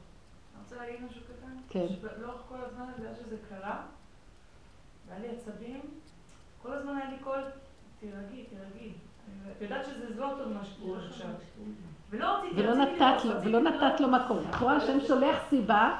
רב אושר אמר שלא דנים את האדם על זה שהוא גנב, שלחו לו מניעה והוא לא מקשיב. על זה דנים אותו. כי הוא יכול להגיד, אבל אני נולדתי בטבע של גנב, ושלחת לי סיבה לגנוב, אז מה אני אעשה עכשיו? אבל שלחתי סיבה בתוך סיבה שלא תגנוב, ולא שמת לב אליה. כי החוזק של העני הוא מאוד מאוד גדול. אבל הרבנית, אני לפעמים, כאילו, מה שאת אומרת עכשיו שב-12 את נכנסת למטבח ואין שם כלום ואת... אה, אז אני אומרת לך בתגובה, אה, ברוך השם שאני כפייתית, כי אני מתקתקת, הכל מסודר, הכל זה, יום חמישי, הכל מסודר. אבל אין לך בורא. לא, מה? השם, לקראת הסוף השם לא יהיה אכפת לו אם יעשו לו או לא, הוא רוצה להתגלות בתוך העשייה שלנו. זה לא שלא יהיה אכפת לו, זה חלק אחד, כבשנו את זה 3,500 שנה. בואי תכבשי עכשיו את החלקים שצריכים להיכנס בהם לקראת הגאולה. שבשביל זה הוא הביא היא לא אותך. יכולה לתקתק גם עם קשר בורא? איך? גאולה. לא, היא יכולה שאני לתקתק יכולה. כמו רובוט, לעשות את הכל ו... אבל אם אם באים ועוצרים אותך ואת מתקתקת ואת כועסת. אה, זה גילוי השם. את, עם האני מתקתקת, במקום עם, השם מתקתק. השם מתקתק לנו את הכל במילא. לפחות זה מתוקתק. אני ראיתי שאני ש- תודה שאני מתקתקת, טוב, שאני תגידי. למה שיגיד תודה בכלל? הוא לא רוצה את לא זה. יודעת, כי הוא שם אותי פה, נו, אני הוא. שם אותך פה כדי ש... למה הוא החזיר אותך בתשובה? לא יודעת, לא יודעת. אז הנה, לא זה השיעורים יודעת. שמסבירים לך. מה את לא יודעת? מה? אני- כי כי אני חייבת לי לעשות את זה. את חייבת לא, אבל. בתנאי. למה את לא מתדיינת איתו? למה את משתמשת בעצבים להצדיק את זה שככה אנחנו צריכים לקיים מצוות? כמו אנשים חולים כפייתיים משוגעים שמקיימים מצוות. את חושבת זה שזה רצונו כאילו? יתברך? אה? זה כיף, אני מעדיפה להיות יום שישי בים בערב, כאילו מה? בסדר, אז אין לך ברירה, נכון? למה את לא מזמינה אותו לאין ברירה? למה את לא מגלה אותו באין ברירה? אני כל הזמן אומרת, לא אין ברירה, מה אני אעשה? אז לא בעצבים. תדברי איתו בשכל, כמו השופט, טוען ונטען. אז את אומרת שאני מדברת ככה על השטן. אבל תקשיבי, את יכולת לדבר איתו, יכולת לדבר איתו קודם, בלי עצבים. כשאת רק רואה את המצב שלך, שימו לב, שימו לב למקום הדק, שאת כבר מתחילה לראות את ההתנגדות, את אומרת לו, אדומה שלך, אני מצד עצמי לא יכולה, לא רוצה גם. מה אני אעשה שאתה נתת לי כל כך הרבה, החזרת אותי למצב הזה? אולי תמתיק לי ותתגלה בתוך המציאות הזאת. איזה מין דבר זה להחזיר אותנו בתשובה ולהכניס אותנו לעוד פעם למצרים, עבדות של מרירות, לקיים מצוות במרירות, צער, רוגז ומכאובים? זה התכלית שלך? אז תן לי להיות גוי. למה שמישהו ירצה בכלל להיכנס לתורה שלך? למה הגויים אמרו לא רוצים? הם צודקים? אם הכנסת אותנו, אולי תוציא אותנו פה מהגלות. צעקה כזאת של בן אדם, מה עשו היהודים שבגלות מדורות? שכחו שהם בגלות, ונהיה להם כיף להיות בגלות כאן. הם נהנים מה, מהחיים, איך שזה. אתם יודעים איך? הם מסודרים טוב טוב. העולם היהודי מסודר מאוד טוב. במשפחתיות, יש המון פתרונות לבעיות, יש, הכל מסודר, עד שכבר שכחו שזה גלות. באה מישהי מבחוץ, חוזרת בתשובה, והיא מרגישה את כל המהלך מחדש, הולכת למות. אז בשביל זה, הוא אומר, זה יביא לי את הגאולה, כי אלה כבר שקעו במקום, איך מקיימים את הפסח עם כיפים, עומדים בתור שורות, לקבל תפוחי אדמה, רצים לזה, כולם, זה היהדות. איך שזה נראה, מזעזע. למה צריכים בכלל לקבל תפוחי אדמה אחד מהשני? למה השם לא יכול לתת לנו תפוחי אדמה? למה עומדים תורות, תורות, תורות של אנשים. של אנשים צדיקים, יראי השם עם כל זה, וכל אחד מפחד שלא יהיה לו והשני לוקח לו... לא, תחשבו רגע מה שקורה. לרגע את אומרת, זה לא גלות? לא, זה כבר נהיה, למה לא? אתה יודע ששם יש חלוקה? אז תרשום אותי. זה רץ... כל הזמן עסוקים בחלוקות ולקבל בזה. לא, שגם שלא יהיה... תפוחי אדמה, ואיך הרבנים. איך לארגן את החגים, את הזה, את ה... ואנחנו מתיישבים בזה טוב. אה, בסוף אנחנו יושבים בליל הסדר, הצלחנו להשיג את החלוקה הכי טובה, הצלחנו זה, זה, זה, זה. המציאות שלנו, נהיינו תפוחי אדמה בקיצור. אז מה הרעיון? השם אומר, רק רגע, למה שכחתם שאני יכול לסדר לכם כבני מלכים? ככה נראים בני מלכים שיצאו ממצרים? לא שנזקקים לשק תפוחי אדמה, וככה אנחנו נראים. אז זה הרעיון של הגאולה האחרונה. נעצור ונשאל שאלות. אני אומרת לפוצץ הכל, כזה, זה פצצה גרעינית על ישראל, שהכל ייגמר, כאילו שישארו רק כן, ג'וקים. כן, כי המתחים את פנימה. כן. כי המתח. עכשיו, את המקום הזה תעלי אליו. בזה אנחנו צריכים לפוצץ את ה- את היצר עצמו של אלינו. דיכאונית וכפייתית. היא סופנית כבר, זה לא... בסדר, מה חשבת? למה את לא זה לא סופנית, אסתר? למה את פה? יאללה, נוח לה, אז די, כאילו, עד כאן. די, חנקו אותי רק- הילדים, רק הרגו אנשים, אותי. נשמות כאלה אני יביאו רוצה ללכת השם לישון. בכוונה מבין את הנשמות האלה אבל ומקשה לא עליהם את השם. היום רק כי אלה מאוד. מסודרים, לכי תגידי להם, אין לי כוח להקים שם. אז יותר טוב תלכי על חוף הים. אני הלכתי לראות את החתונה של וויליאם. חבל שאני לא באתי. חיפשתי, אמרתי איפה שידליקו לי. טלוויזיה.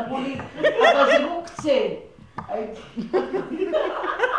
חייבת, והשם הביא לי מישהו חילוני שאמר לי שזה לא מעניין אותו, אבל הוא ידליק בשבילי. אמרתי לו, זה מושג של... החילוני לא מעניין, אבל הוא ידליק. מעניין אותי לראות את השופט שלה. וראית, ראית איך היה? זה יותר אמת, תראו, האמת היא רוצה... האמת זה הרבה יותר מעניין, אני גם... גם אני רציתי לראות את זה. מה היא לבשה, איך היא נראתה. ראיתי ממש. בעלי אומר לי, "כל- בשביל זה חזרת בתשובה, שמה שמעניין אותך זה בתים ומכוניות, בשביל מה היית הולכת לשיעורים של הרבנית פישר? אני ישר אומרת, תחפושת, אני לא יודעת לעצמי למה, אני בתשובה, תחפושת. זה בשביל הילדים, שיהיו בבית שיהיו תורה, שיראו כאילו, מפחד, אני ממש... תפוסת, בוודאי. תחפושת. ממש. אבל זה צריך להיות מול בורא עולם. כל הקושיות, כל הזה, צריך להיות מולו. מול המקטרג הזה שמשגע אותנו, ואז מתפרק הקטרוג. כי את אומרת את האמת, ואז המקטרג אין לו מה להגיד, ואז השם יכול להעיר. איך הוא מחכה לדיבורים האלה? אבל את מפספסת אותם על העצבים פה ועל החרדים, ולמה החרדים כאלה ולא כאלה, חבל על הזמן. כי ככה זה צריך להיות, שיש ככה ושיש ככה. אין, לא צריך להיות לנו שום קושייה לעולם בכלל, ולא על אף גוף פה. כולם בדיוק במקום שלהם. הכל מושלם איך שזה. את צריכה לעבוד עם הנתונים האלה מול בורא עולם. זו עבודה פנימית, אנחנו מוציאים אותה פה בשיעור, ועושים אותה כללית, ונותנים, אה, ואפילו זה עובר הלאה. ובאמת כל העבודה היא, כי אין ברירה, כי אנחנו רוצים להביא את זה, שזה יהיה יחידני פרטני, עצנה לכת עם השם אלוקיך. זו עבודה פנימית בינך לבין בורא עולם. תשתמשי בעצבים האלה ליצור מצב של לעמוד מול אותו כוח שמסטין ומקטרג. כשאת יודעת שיש בורא עולם ששומע את כל הוויכוח. אבל את משאירה אותו פה עם התסכולים והעצבים על דמויות ועל חברות וקהילות מסוימות. זה חבל, את מבינה? כי השם כן צריך שיהיה עולם חרדי. מדברת המציאות. כן צריך שיהיה דבר שמנגד אותו. הכל המרכיבים מונחים בדיוק במקום. אין לי טענה על אף אחד. השאלה מה אני עובדת ומה קשור לי. כל אחד, השם מביא אותו לנקודה שלו. למה הוא הביא נשמה כמוך? כי הוא צריך את הפירוק הזה. משם זה לא יבוא. המהר"ל אומר, משורות הפנימיות האלה זה לא יבוא. זה תוכנית מסוג אחר. זה וידעת. עכשיו זה סוג של והשבותה, בבשר החי. יש נשמות ששייכות? בעולם החרדי שגם יש להם את המקום של והשבותה. אבל רוב הגוף של זה, אחרת לא היה מתקיימת היהדות בגלות, אם לא היה כזה חוזק של סגירות וצמצום וקטנות. ככה, כמו רובוטים עושים ולא חושבים כלום. אז לא הייתה נשארת יהדות. אבל לקראת הסוף הוא יביא, שימי לב, השם יתברך, זה התוכנית שלו, וזה הוא עם התוכנית שלו בתוכנו, אז הוא מביא את, ה, אה, את המרכיבים שנצרכים גם לגאולה, סוגי נשמות כאלה וכאלה, הכל מסודר אצלו, אל תדאגו. אז ברגע שאני מדברת בצורה רגועה וכאילו בנחמדות, אז אני יודעת שזה מול השם? זה לא צורה רגועה ונחמדות. כשאת משתמשת בכל העצבים אליו, לנצל אותם, לעשות איתם את הדבר הנכון, ולא להתפזר איתם בסתם, בתוהו וריק, ואז לא יצא מזה כלום, והשטן מתרחב. הרבה. אז תראו את ההפקרות שלה, הוא מקטרג. אה, כשאת לוקחת את זה, את עומדת מולו, חרב מול חרב. את עומדת בהתדיינות פה עכשיו. אל תבזבזי את זה. כל התסכולים שיש לך הם מושלמים. תשתמשי בהם נכון להעלות את זה להשם. מה את עושה? אנחנו מתר... לא רק אז זה יוצא החוצה על מתרחבים הבעל. במר נפש ושוברים את הכלים. אז זה יוצא. החוצה. אה? הרבנים. סיפוק מהמרות נפש. יש סיפוק, נכון, יש סיפוק מהשבירה הזאת. יש סיפוק מה... זה מין הפקרות של סיפוק שהשטן מזה ניזון. או, הנה, אמרתי לך שזה ככה עם היהודים.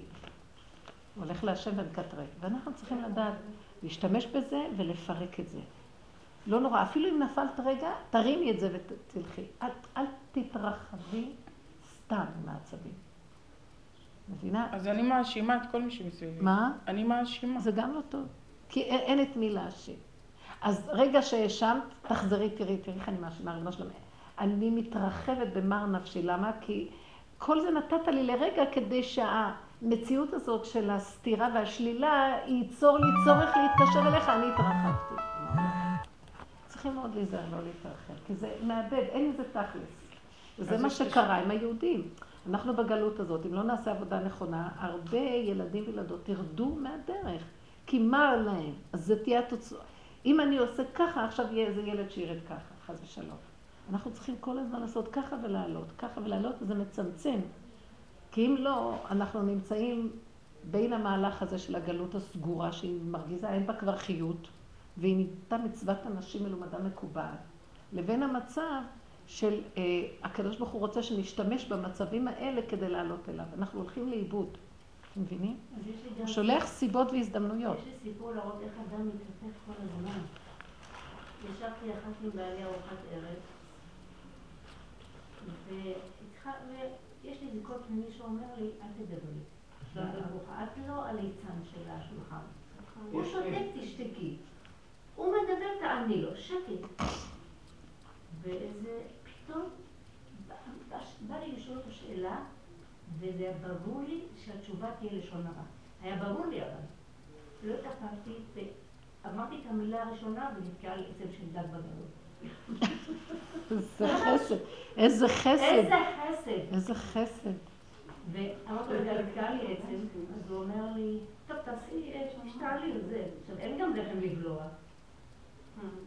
אז מה שאני עושה, יותר עמוק זה נכנס. מנסה, אין לי יכולה כבר לנשום, זה מציק לי. אז אמרתי לו, יש איזשהו לחש, עכשיו הולכים לטבע, יש איזשהו לחש. אז הוא אומר לי, מה? אז הוא אמר איזשהו לחש שהרגיז אותי. על פי, על פי הבן איש חי, מה? לא יודעת, זה משהו ששייך בכלל ללחש אחר, לא של דגים. לא של דגים, לא של בשר. ואמרתי לו, לא רואה את השם, רואה את בעלי, את הלחש המטופש לדעתי, ושיוציא לי את העצם. אז אמרתי לו, טוב, תתקשר לבת שלנו, היא יודעת את הלחש. כאילו, הוא לא משיג אותה. אין, עדיין הקדוש ברוך הוא לא נמצא. היא לא יודעת את הלחש. היא לא עונה לו. הוא אומר, רואה, היא לא עונה. התקשר בסוף אמרו לו את הלחש, אמרו לשים את העצם של הדקל הזה, ולהגיד את הלחש הזה. טוב, אנחנו, הוא והיא, אני יש כמה דקות אומרים את הלחש הזה, ואני חושבת שהעצם נכנסת, ופתאום בא לי קול. התחלתי לריב עם השם. מה? לריב עם התחלתי לריב, ריבונו של עולם, מה? לכולם אתה עושה ניסים, רק לי לא? מה אתה רוצה ממני? אצלך אין ניסים. עד הסוף אני הולך איתך ככה. אז בעלי אמר לי, אלך לבית חולים, אמרתי, טוב, נלך. וכמו שמובילים שא לבית חולים, ככה הלכתי רובוט. נעל לי את המוח, נעל לי את השכל, את איתי, את רואה? אין לך. שבי בשקט. ממש, אני הרגשתי את האין אונים, אי אפשר להבין את זה אפילו בשכל. כולי התקפלתי, וכל הזמן התחברתי להשם. אין יום גדול, זה רק אתה השם, זה רק אתה. אתה רוצה זה יצא, אתה לא רוצה זה לא יצא, רק אתה. כולי התקבצתי, עכשיו מה, בעלי הולך לשאול את האח, את האחות, מה קורה איתה? לא אכפת לי, הם יבואו, לא יראו שום דבר. אני עם העצם בגרון, הביאו אותי אני אי אפשר להבין את זה אפילו בשכל. הוא תקוע לנו, הוא נתקע. כן. ואני כל הזמן רואה את הסגולה של הרבי חיים וולוז'ין, אין עוד מלבדו. זה ממש לא לי. עצם תישאר, רק כואב לי, אתה יודע קצת. כלום, אני אומרת לכם, הובלתי כמו סלע טבע. המוח ננעל, כל השכל היה השם, זה אתה, זה אתה, זה אתה. ופתאום אמרת לו, הנה הרופא הגיע, לא אכפת לי, באו, לא בא, אני לא יודעת איפה הייתי, לא הייתי בעולם הזה. פתאום הרופא נכנס לפני זה, טוב, אמר טוב, זה עמוק, וזה, הלך עוד איזה מכשור, ואני איזה פחדנית מרופאים, לא ראיתי רופא כלום, שום דבר. אמרתי, אבא, זה אתה. זה לא זה שליח, זה כלום. לא יודעת איזה כוח אני לא יכולה להסביר את זה אפילו. כן, ממנו. גם את זה הוא נותן, זה הכל ממנו. וככה, ופתאום הוא הביא איזשהו מלקחיים כאלה ארוכות, והוציא לי עצם גדולה, היא ישבה בשתי עצמים. משהו. ואיך התיישבה שם? ממש. עכשיו, למה אני מספרת את הסיפור? כי היה לי מאבק לספר זה. תראו את הנפש שלנו. לא הייתי שם כלום. ידעתי. באתי הביתה בהכנעה, הכנסתי הביתה כל הכלים היו ערוכים על השולחן. כל פנימי אמר לי, תעזבי את הכל, לכי לישון, כך בעיה לא פשוטה. ואני עם הכוחנות שלי, השתלטנות שלי, אז בא לי ישר לאכול. איך שישב לאכול, התעצבנתי. מה הוא עוד יושב לאכול אחרי שקרה? כן. שיצאו שום קצת. דבר, לא חושב שלא. אבל המעבר כזה קיצוני מכלום, לאני נכנס עוד פעם. אה, כל שנייה. שנייה, אז אמרתי, אז הוא אמר לי, טוב, הוא יושב לאכול, ופתאום הלך לעשות איזושהי פעולה. אמרתי, מה אתה עוד מוסיף לי עבודות? לא מה את מדברת? לבעליך? לבעלי. הוא אמרת? עשה שפעולה, כאילו הוסיף עוד צלחת לשטוף. עכשיו כלום, הוא לא יודע שם, עכשיו אומר לי, לכי לישון, ואני נאבקת עם עצמי, תעזבי את הכל, לכי, העולם לא יחרב. אז אמרתי לו, אז אה, אמרתי לו, ופתאום הוא אמר לי, תעזבי את זה, אז אמרתי לו, לא, אני צריכה לשטוף אותו, אמר לי, למה את צריכה לשטוף את הכלים? פתאום בא לי כל פעם, את מסוכנת, תעופי מפה. עזבתי את כל הכלים, לא מתאים לי בכלל. כן. הלכתי, נכנסתי למיטה. הזמן אמרתי לשם, זה לא הייתי בקבר, עכשיו אני שלי. על המקום.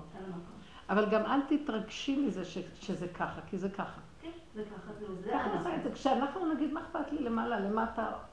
כל רגע, את יודעת מה צריך לעשות? להמליך את השם בכוח הזה. לא, זה אתה. זה אתה. אני אומרת לו, אתה כזה כפי. מה אומר הבושר?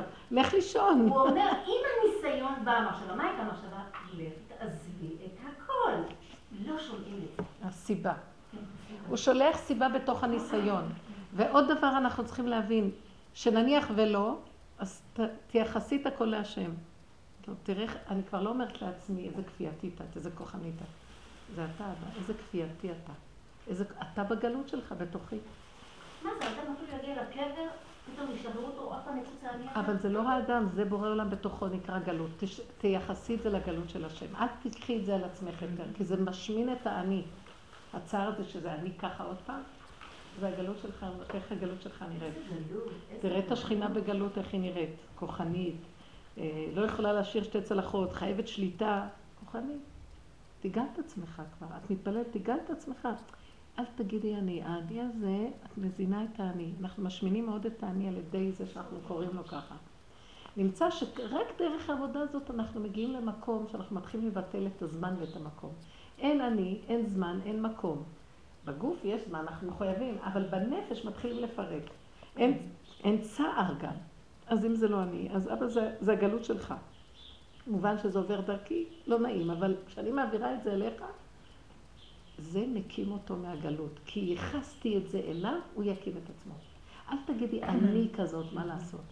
עד הקבר זה המציאות שלה. משחק שלו. ככה זה צריך להיראות. להפסיק לקחת את זה כדבר אישי שלנו. זה נורא מסוכן איך שאנחנו, אנחנו לא יוצאים מזה כי אנחנו משמינים את האני ומצטערים. כי סבורים לפי הדעת, כי את העבודה הזאת אסור לעשות בדעת. אם אני בצער, שאני עוד כזאת אחרי כל כך הרבה עבודה, סימן שהדעת בצער היא רוצה להיות מושלמת. אין כזה דבר. ורק הדעת רוצה להיות מושלמת. אין שלמות, רק בורא עולם שלם. חיסרון זה החיסרון שלנו. אם אנחנו חיים ככה, כל המהלך הזה זה רק. גם אם, אם לרגע, אני חושבת, אני הולכת להגיד לשון הרע. אני מתחילה להתדיין איתו. הוא שלח לי סיבה להגיד לו, אבל למה אתה צריך ליפול בלשון הרע? למה אתה צריך... זה כאילו ישר להעביר את הכל אליו. היה נמנע כל הניסיון הזה של... כשעושים את זה, אני, שימו לב, זה נכון שאנחנו צריכים להיזהר, אבל לא להיזהר שאני אעשה או לא אעשה, כי אנחנו לא יכולים, לא. אלא אני אזהר לא לקחת את זה שזה אני, בין אם עשיתי בין אם לא, הכל זה אתה. להתחיל להפוך את אני לאתה, הכל זה אתה. והוא אוהב את זה, זה האמת שלו, מה, זה. הבית מבולגן וזה, זה אתה? זה המציאות שלך. את יודעת שהיה תקופה, היה לו... כן, כן. את יודעת זה שהיה... אתה בהפקרות, ששמת בתוכי, כי אני, עובדה, למה זה כל כך הרבה זמן ככה ואני לא משתנה? בעלי היה עובד עד לא שעות. מאוחרות, לא- היו ימים שלא הייתי מקלחת את הילדים, יום אחרי יום. לא מקלחת אותם, לא היה לי כוח. לא חייב. לא חייב, זה, זה דמיון של הדור הזה, כל הזמן להתקלח. פעם לא היה מים ולא סבונים ולא כל זה. התקלחו פעם בכמה זמן. כמה יום. גם היו תולים את, הטיטול, את החיתולים של, ה, של. הקטנים של הילדים, והיו משתמשים בזה שוב, בלי לשתות? בלי לשטוף. לא היה מים כמו שהיום, ככה. התנאים היו הם אחרים, אז אנשים משועבדים לתנאים. נהיה יותר קשה. אה? נהיה יותר קשה. כאילו הכל זמין בו ותקנה, עכשיו אתה ממלא את הבית בדברים, לך תנקה את כל מה שאתה... ממש. אתה משועבד למהלך הזה של כאילו אתה איזה מלך. מסכנים הבני אדם. והכל כלואים בתוך אסירי אה, התקווה, מה שנקרא, כלואים בתוך... אני כלויה באימהות. ממש אני כלויה. כלואה. כלואה. כלואה באימהות. אני כלואה באימהות. הוא בוכה, אני מרגישה לא טוב. הולכת, אני רצה לעשות מה שהוא רוצה. אמא שלי, אמא שלי, כל אחד... תתבונני בזה. זה השכינה בגלות. זה השכינה כלואה בתוך המציאות של הילדים שלה. ומה היא עושה? הילדים מנצלים אותה ובועלים אותה. במקום שהיא תשחרר אותם ותאיר להם, הם עושים לה הפוך, ואז היא כלואה מרוב הרצון אליהם. השאלה שלי היא ככה, היא ככה, כי אני מבינה מה שאת אומרת, כן? אני מבינה, ואני מדברת עם הקדוש ברוך הוא כל תהליך ותהליך, ואני מחזירה לו. עכשיו, אני כלואה באימהות, אני כלואה באימהות, אז אני אומרת לו, תשמע, אם אתה לא עוצר אותי, אני ממשיכה. כי זה מה שיש. זה אתה, תגידי לו, זה אתה. אבל זה אתה בגלות שלך, תגאל את עצמך.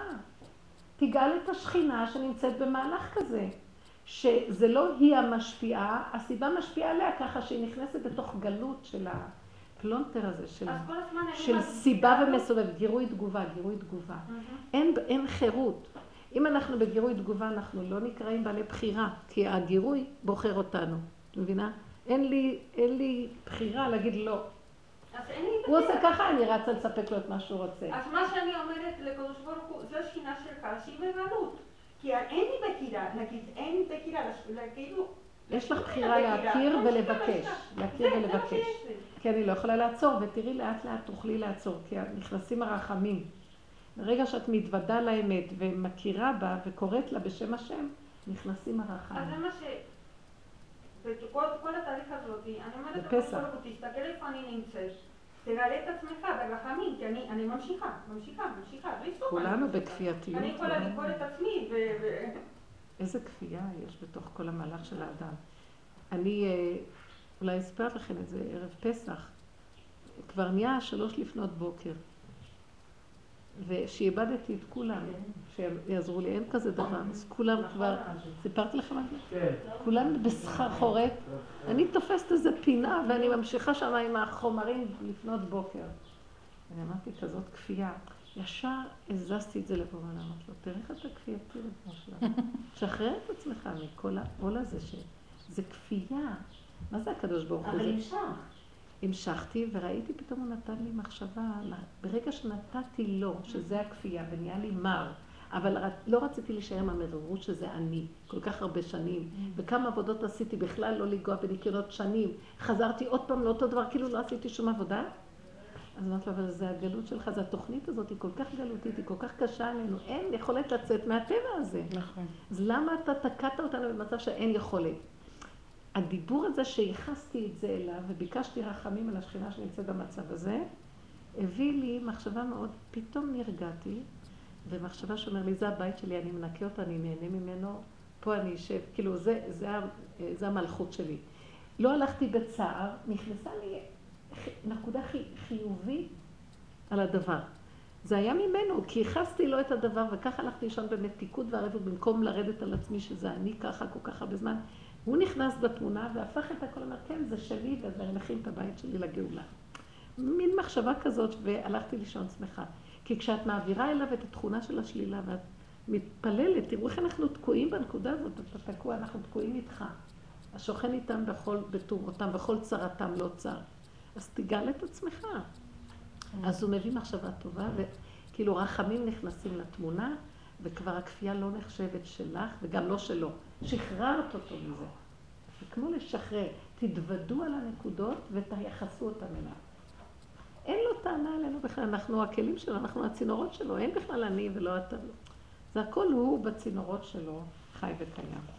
שיזכה אותנו לעבודה הזאת, להכיר שזה. רק הוא הכל, ולנצל את כל העולם, כל הסיבות, רק להכיר אותו, נהיה חיים אחרים. אמן.